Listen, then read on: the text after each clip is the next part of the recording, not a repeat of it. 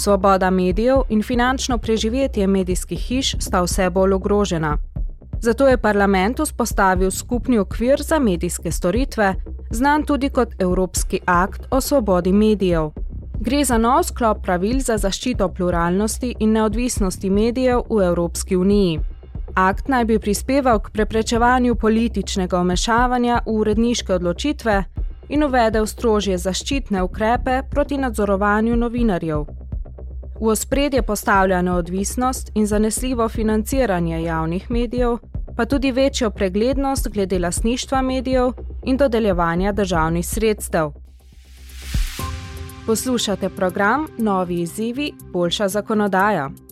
V današnjem prispevku bomo govorili o aktu za svobodo medijev. Zakaj je pomemben in kako bo vplival na medijsko svobodo v Uniji, pa tudi na vas.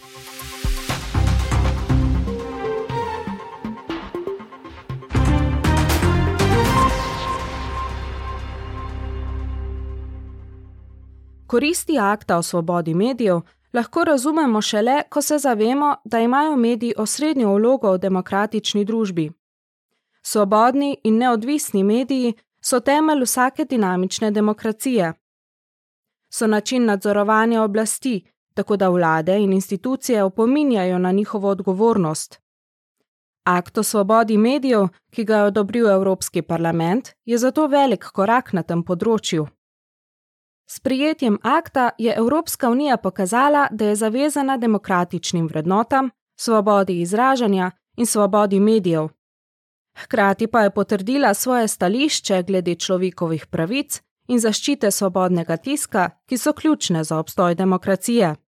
Cilj Evropskega akta o svobodi medijev je zaščititi in okrepiti načela svobodnega tiska in odprtega medijskega okolja v Evropi. Z aktom želimo zlasti zaščititi novinarje in medijske delavce, ki so vse pogosteje tarča grožen, nadlegovanj in celo nasilja.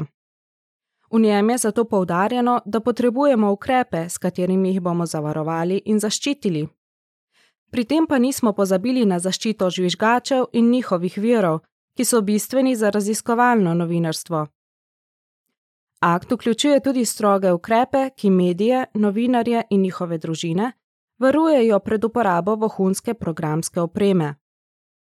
Med bolj presenetljivimi določbami iz akta je tudi preprečevanje koncentracije lastništva medijev, saj lahko ta ogrozi njihovo pluralnost. Priznava pomen raznolikega in neodvisnega medijskega okolja v demokratični družbi in poziva k jasnejšemu razkritju lastniških struktur medijev. Tako želimo preprečiti prevelik vpliv medijskih monopolov ali lastnikov medijev na javno mnenje. Druga značilnost akta, povezana s preglednostjo, je, da bi moralo biti financiranje javnih medijev ustrezno in stabilno, saj se lahko le tako zagotovi popolna uredniška neodvisnost. Določa tudi nove zahteve za pregledno in nediskriminatorno dodeljevanje državnega oglaševanja ponudnikom medijskih storitev. Akt o svobodi medijev utira pot širšemu mednarodnemu sodelovanju in podpori med državami članicami na področju svobode medijev. To je korak k oblikovanju enotnega pristopa za zaščito integritete novinarstva, tudi ko gre za zahtevne izzive. Po sprijetju akta se takoj ustanovi neodvisen Evropski odbor za medijske storitve, ki bo spremljal in spodbujal učinkovito in dosledno uporabo novih pravil.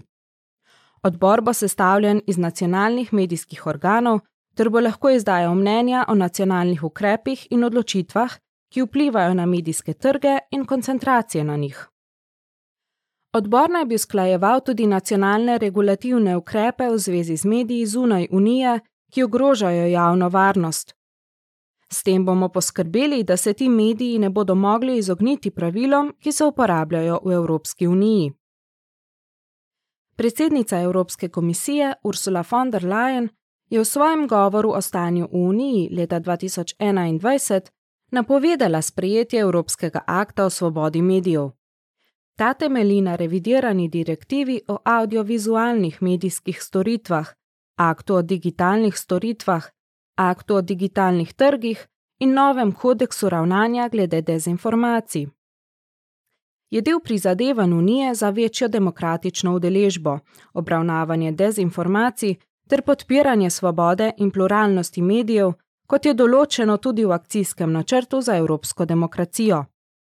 Sprijeti akt o svobodi medijev dopolnjuje tudi priporočilo iz leta 2021 o zaščiti, varnosti in krepitvi vloge novinarjev ter predlog direktive za zaščito novinarjev in zagovornikov pravic pred zlorabljenimi sodnimi postopki.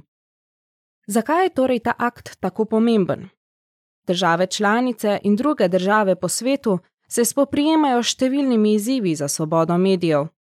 Svobodni mediji pa so nujni za razkrivanje korupcije in nepravilnosti ter zanesljivo obveščanje javnosti o kritičnih vprašanjih. Hkrati se potrošniki, ki spremljajo različne oblike medijev, lahko zanesejo, da informacije prihajajo iz različnih virov in ne iz medijev, ki jih nadzoruje peščica ljudi z lastnimi interesi. Akt novinarjem in medijskim delavcem omogoča, da upravljajo svoje delo neovirano in brez strahu, ter ustvarja pogoje za raznoliko medijsko okolje. Je žarek upanja za novinarje, medijske delavce in vse, ki cenijo odločilno vlogo medijev. Hkrati pa je opomnik, da je obstoj zanesljivega in neodvisnega novinarstva v svetu, kjer se dezinformacije in lažne novice širijo z bliskovito hitrostjo, pomembnejši kot kdajkoli prej.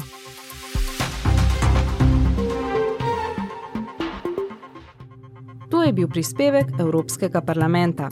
Več informacij je na voljo na našem spletnem mestu Think Tank.